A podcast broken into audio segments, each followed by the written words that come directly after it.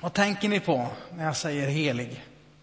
Någon här innan sa eh, att, att, det kändes som en stor börda mest. Usch, hur ska jag kunna vara helig? Känns inte det ganska främmande? Men, men eh, det är ändå eh, temat för den här, eh, för den här sommaren. Vi ska läsa oss igenom första Petrusbrevet som Per-Axel sa och vi har satt temat eh, lite skruvat utifrån en eh, bok som kom alldeles nyligen som nog inte är så from. Eh, en vanlig människa och hur helig som helst. Det tycker vi är en god rubrik på vad Petrus eh, vill förmedla eh, i sitt första brev. Eh, låt oss läsa, och eftersom vi ska läsa oss igenom hela brevet så blir det ganska långt eh, varje söndag. här. Vi ska läsa från första Petrusbrevet. Och har du en sån här röd lånebibel så är det på sidan 874. Längst ner där på första kolumnen eh, i vers 13 ska vi börja.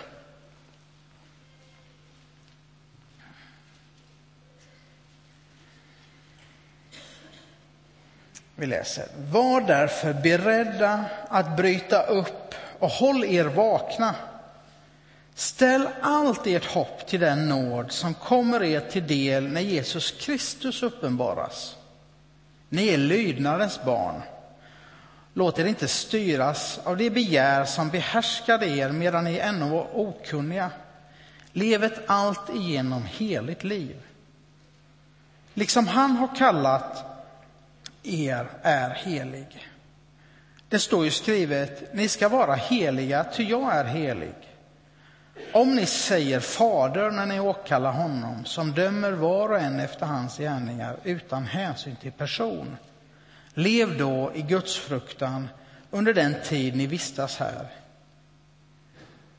Ni vet att det inte var med förgängliga ting, silver och guld, som ni blev friköpta från det meningslösa liv som ni har övertagit från era fäder. Nej, det var med blodet ifrån ett lamm utan fel eller fräck, fläck, Kristi dyrbara blod.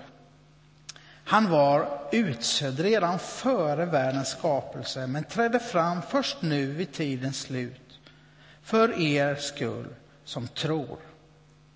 Genom honom tror ni på Gud som har uppväckt honom från de döda och förhärligat honom så att ni i er tro också kan hoppas på er Gud. Ni har renat era själar liksom genom att lyda sanningen och kan leva i uppriktig kärlek till era bröder. Älska då varandra av hela ert hjärta.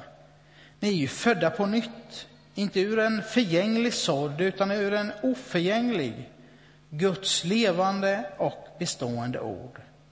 Ty människan är som gräset och all hennes härlighet som blommorna i gräset. Gräset vissnar och blommorna faller av, men Herrens ord det består i evighet. Det är detta ord som har förkunnats för er. Så lägg därför bort all slags ondska, falskhet och förställning, avund och förtal. Som ett nyfött barn ska ni längta efter den rena andliga mjölken för att växa genom den och bli räddade. Ni har ju fått smaka Herrens godhet. Helighet, helig. Alltså det där är ett begrepp som är lite sådär halt i händerna på mig. Vad, vad handlar det om? Vad betyder det?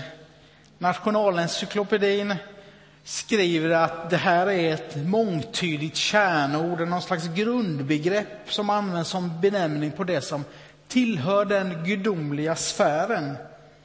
Upphöjd, avskildhet och renhet utmärker det heliga.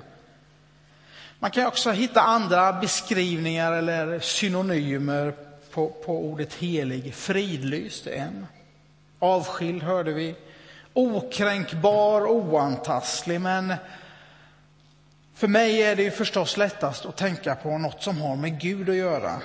Helig, det är ett av Guds eh, epitet, en av Guds egenskaper och attribut.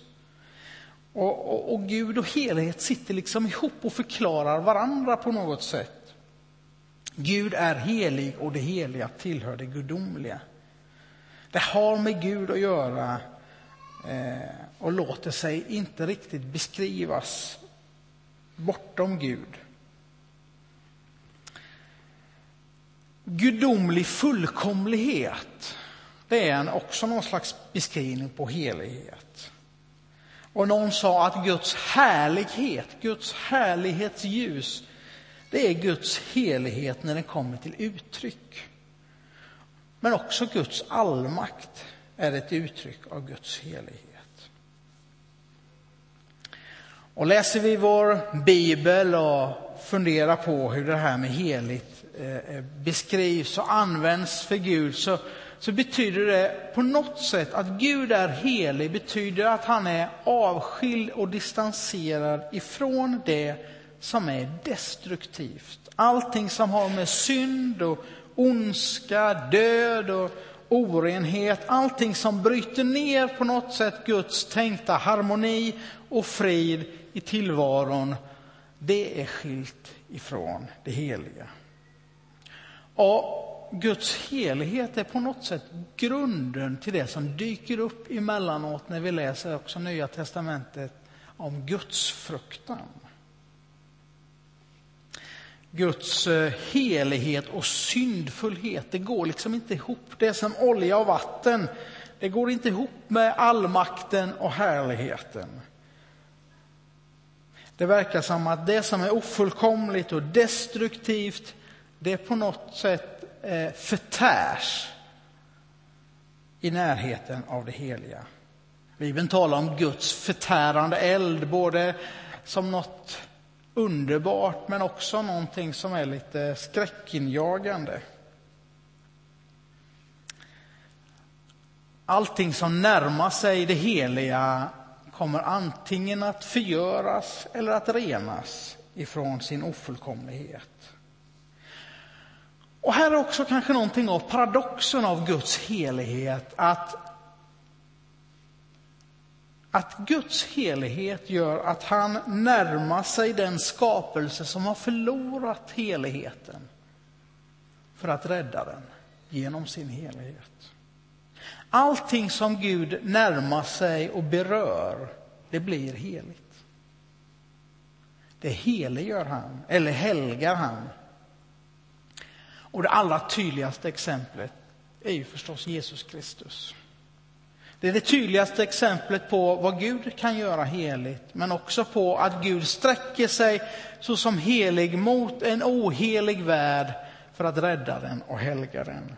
Men Gud sände sin egen son som en vanlig människa. Och, och, och Jesus, han, han var helig i sitt ursprung och i sin funktion. berättelser som, som vi läser kring jul om hur eh, Jesus föddes, hur han föds eh, med hjälp av Maria och den heliga anden. Hur detta miraklet sker är ju inte bara en petitess, en eh, fin liten story. Det handlar också om hur Gud kan eh, på något sätt bryta den ohelighet som har gått i arv sedan syndafallet i vår skapelse och plantera in en helig människa mitt ibland vanliga människor.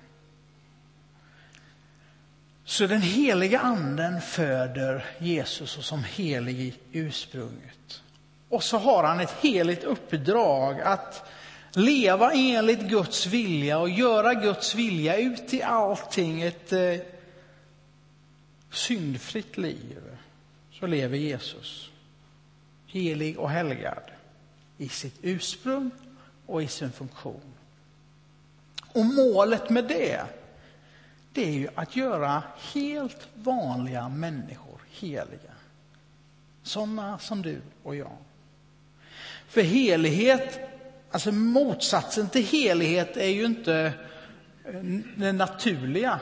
Det heliga är inte det onaturliga, utan snarare är det väl så att motsatsen till det som är heligt, det är det som är onaturligt. Som inte är som Gud hade tänkt sig allting. Guds intention med hela skapelsen när han när han skapade tillvaron. Eller helighet är ju inte omänskligt. Det mänskliga är ju inte motsatsen till det heliga, utan snarare är det väl så att det är det omänskliga, det som bryter ner, det som dödar, det som förstör det mänskliga livet, som är det som är oheligt. Så därför kan också vanliga människor vara heliga människor. Och vanliga människor blir heliga människor när vi närmar oss den som är helig, nämligen Jesus Kristus. I hans närhet, när Jesus får beröra oss, så blir vi heliga. När hans ande tar boning i oss så föds vi på nytt. Likt Jesus föddes av en människa och den helige Ande så föds vi på nytt så som människa av den helige Ande och så blir vi Guds barn. Och så har vi också ett heligt ursprung, trots att vi är helt vanliga människor. Trots att vi lever ganska vanliga liv, så blir vi heliga i ursprunget. Och då kan vi frimodigt närma oss den som är helig, utan att på något sätt vara rädda för att förgöras.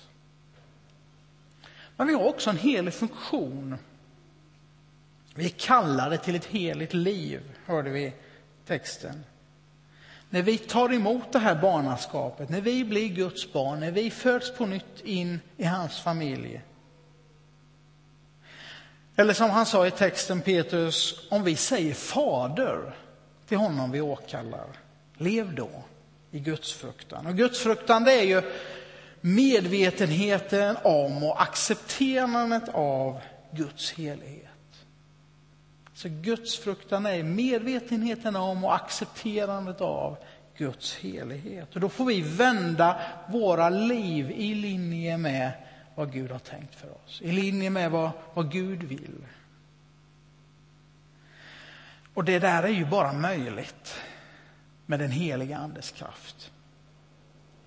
Alltså det är inte så att ett heligt liv först och främst är en rad handlingar staplade på varandra. Det är klart det måste uttryckas.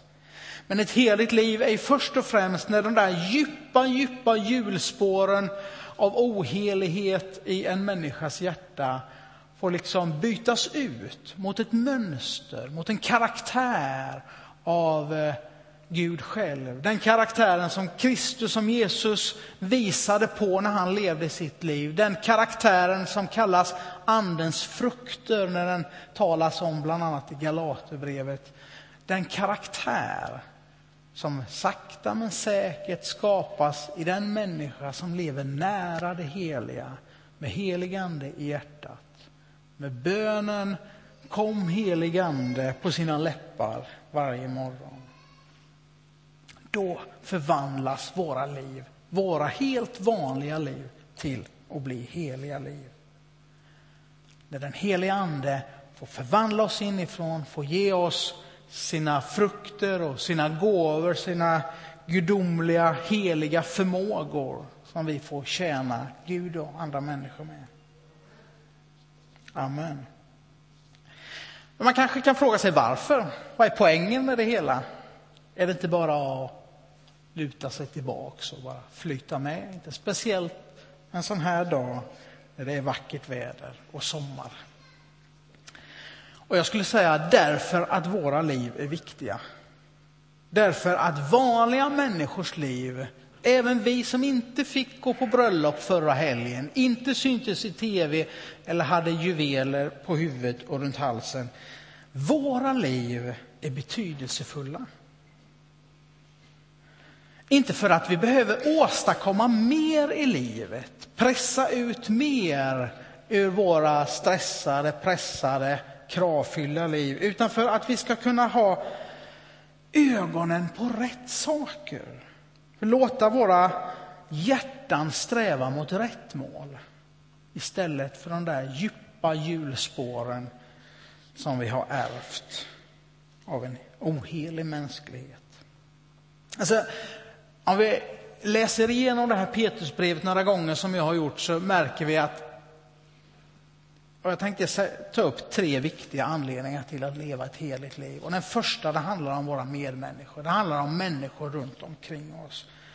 Och det blir väldigt tydligt i, i, i det Petrus skriver i sin helhet att våra liv påverkar vår omgivning. Vi kan få vara med med våra helt vanliga liv och välsigna människor runt omkring oss och peka på en Gud som de kanske inte känner. Våra, vår helighet kan beröra andra människor och välsigna dem och locka till Gud. Genom inspiration. Genom att eh, vara ett föredöme. Genom att eh, skapa nyfikenhet. Så långt bak som till Abraham så säger, så säger Gud att jag ska vara med dig. Och så säger han inte för din egen skull först och främst utan för att andra människor ska upptäcka mig, Gud, genom att jag välsignar dig. Och så fungerar det. Och när jag möter människor som kommer till tro, som kommer nya hit, så har de ofta en eller två eller tre förebilder i huvudet som har skapat nyfikenhet hos dem. Så våra heliga liv kan få vara med och inspirera andra människor att upptäcka Gud. Men de kan också faktiskt provocera. Det finns något profetiskt i ett heligt liv. Låt mig ta en väldigt, väldigt liten men ganska eh, ny, eh, nytt exempel på det. Eh, en av våra studenter på SALT, eh, den teologiska utbildningen vi har här och runt om i Sverige, eh, han hade gått till bankomaten och eh, och där stack det ut 300 kronor som den, någon innan där hade glömt att ta. Eh, så han tog de här och så ringde han banken och försökte lämna tillbaks dessa 300 kronor. Vilket visade sig vara väldigt, väldigt mycket svårare än, än vad han trodde. Och vi var tillsammans några dagar i Malmö där nere och jag såg honom allt som oftast eh, med en mobiltelefon försöka förklara för banken att han ville lämna tillbaks 300 kronor som någon hade glömt och det fanns inga som helst rutiner och funktioner för denna godhet i vårt samhälle.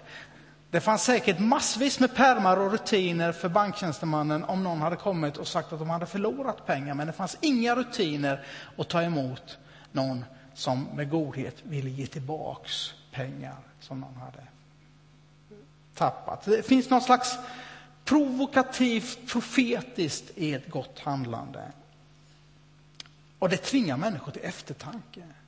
Tänk om det var så här vår tillvaro var istället för det där vi är vana vid.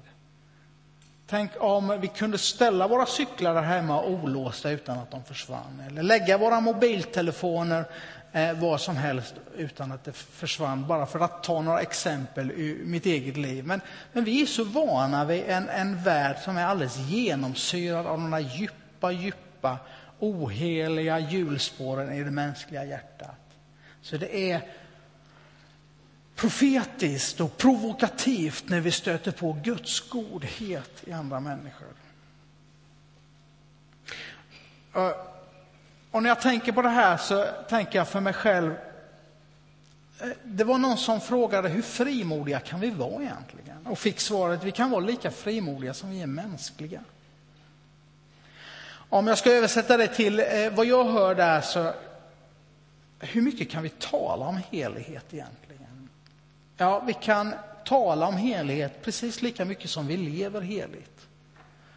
Och för att ställa mig själv på den säkra sidan så tänker jag att jag kanske behöver ha någon slags eh, 25-75-gräns här, eller regel. Att jag låter det heliga i mitt liv vara åtminstone 75 procent liv och inte mer än 25 procent ord. För vis av historien så vet vi att helighet i människors liv, i kristnas liv, gärna eh, liksom tenderar till, åtminstone om man har börjat att prata med det, blir väldigt mycket ord och kanske lite mindre liv.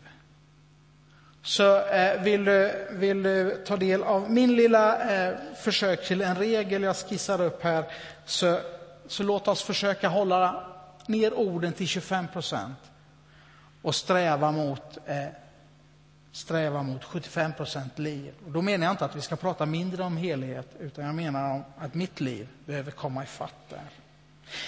Den andra anledningen till att leva ett heligt liv, det är faktiskt att det är ett gott liv. Det heliga livet är inte bara försakan och lidande, även om det kanske är det med, men det är ju alla liv. Det är ju lätt att tro att det skulle vara så. Att vi förlorar allting i nuet genom ett heligt liv. Att det alltid är det egoistiska, njutningssökande, utsvävande livet som ger den där omed, omedelbara vinningen för oss. Men Petrus, han verkar mena precis tvärtom. Han säger att det där andra livet, det är helt meningslöst. Den kristne, säger han, den har befriats ifrån ett sånt meningslöst liv och behöver inte vara slav under det längre. Och så säger han lite längre fram i, i kapitel 3 att den som älskar livet och vill ha goda dagar, och vem vill inte det, ska leva ett heligt liv. Han citerar en av psalmerna här och säger att den som, vill, den som älskar också det här livet, här och nu, och vill att det ska vara gott, ska leva ett heligt liv. Jesus själv kallar det ett liv i överflöd och det har han kommit för att ge dem som följer honom, säger han. Paulus kallar det det verkliga livet. Liksom, det känns som att han på något sätt vill göra det mer riktigt. Eller hans uppfattning är att det är mer riktigt än ett annat liv. Och i det livet finns kraften att leva ett gott liv. Han säger vi kan, vi kan leva i uppriktig kärlek till våra bröder när vi lever ett heligt liv. Och det är väl för att den helige Ande har flyttat in i oss som vi har möjlighet att ta emot Guds kärlek och leva ut den till andra människor. Det är vad helig ande, vad, vad, vad Jesu ande gör i våra liv. Det ger oss en möjlighet att faktiskt leva kärleksfulla liv i en kärleksfull gemenskap med andra människor. Inte för att vi lyckas alltid och där finns alltid förlåtelsen, men det finns en möjlighet. Vi kan. Och det finns ett gudomligt löfte om det goda livet. Det goda livet enligt Guds definitioner, enligt han som har skapat oss, enligt hans definition. För den helige, för dig och mig, för helt vanliga människor. Det sista jag skulle vilja säga är att eh, det finns ett perspektiv till. Det finns en anledning till, det finns kanske fler anledningar, men det finns en anledning till och det är att vi alla är på väg. Det finns ett större perspektiv, ett perspektiv som alltid är närvarande i vår kristna tro. Och det är ju evigheten, det är det oförgängliga, det som alltid lever. Det är att bli en del av Guds eviga skapelse. Och den dörren har Jesus öppnat för oss. När han gjorde det möjligt för oss att närma oss Gud och födas på nytt. Födas in i en evig skapelse genom den helige Ande. Och det här är ju ett hopp som den kristnes liv alltid måste speglas emot. Den kristnes nu behöver alltid speglas emot evigheten. Och vår vardag här och nu idag belyses av evigheten och löftet om det. Och vi uppmanas att leva här och nu, helt och hållet närvarande i det som är våra liv, i det som är våra relationer, i människor omkring oss och in i hoppet om evigheten. Det är de två tidsperspektiven som är viktiga för den kristne. Och Joakim pratade om det här förra veckan. Och, och jag vet inte om du är som mig, men mitt perspektiv hamnar gärna någonstans mitt emellan. Två månader, en vecka, ett år fram i tiden. Och så är det lätt att liksom glömma bort här och nu. Och så är det lätt att glömma bort hoppet om evigheten. Och så gör jag mig något slags liv någonstans däremellan som jag inte har nått än, men ändå med mål och förhoppningar som i det eviga perspektivet är ganska små och puttiga. Men vår tro uppmanar oss att leva här och nu och i evigheten. Och texten började ju med den här ljuvliga uppmaningen, var därför beredda att bryta upp. Eller som, som det står i grundtexten, alltså knyt upp kjolen. Eh, det är ju hämtat ifrån de kläderna man hade på den tiden, men det är också hämtat ifrån ett par tusen år tidigare när man skulle ge sig ut ur slaveriet i Egypten. Så uppmanar Gud, alltså var beredda nu. Sätt er inte ner, slå er inte till rätta, utan snart tar jag er härifrån denna situationen in i något som är mycket bättre. In i ett land som flödar av mjölk och honung. Och de visste lite vad det där handlade om, för mjölk och honung det hade de säkert smakat, men inte så mycket som de ville. Så knyt upp kjolen, sjunk inte ner allt för långt ner i soffan. Jag tänkte på det när jag körde från Jönköping igår eftermiddag så körde jag om ett äldre par i vackra röda t-shirts i en jättestor husbil. Det såg ut som om de hade hela huset med sig och var på väg. Och bakom husbilen så var det en släpkärra och där stod en liten sån här smart car. Så de hade verkligen allting med sig verkade det som. Där. De, de, de tog pick och pack och sen så bara körde de iväg. Och vart de skulle det vet jag inte, men jag fantiserade ju förstås när jag körde om dem hur de skulle kajka runt i Europa och, och ha trevligt. Och, och lite sådär kanske vi behöver leva våra liv. Eller likt en älskare som villigt ger upp allting bara för att vara nära sin älskade. För vi har ju fått smaka lite av den här mjölken och honungen i det förlovade landet. Redan nu har vi fått smaka av Guds godhet. Eller? Känner du inte att du har fått göra det, så är dag, idag en möjlighet att göra det. Du kan göra det efter vi har sjungit en sång. Du kan öppna ditt hjärta precis just nu och ta emot. Vi ska sjunga en sång och så ska vi fortsätta ta emot Guds godhet efter det sen.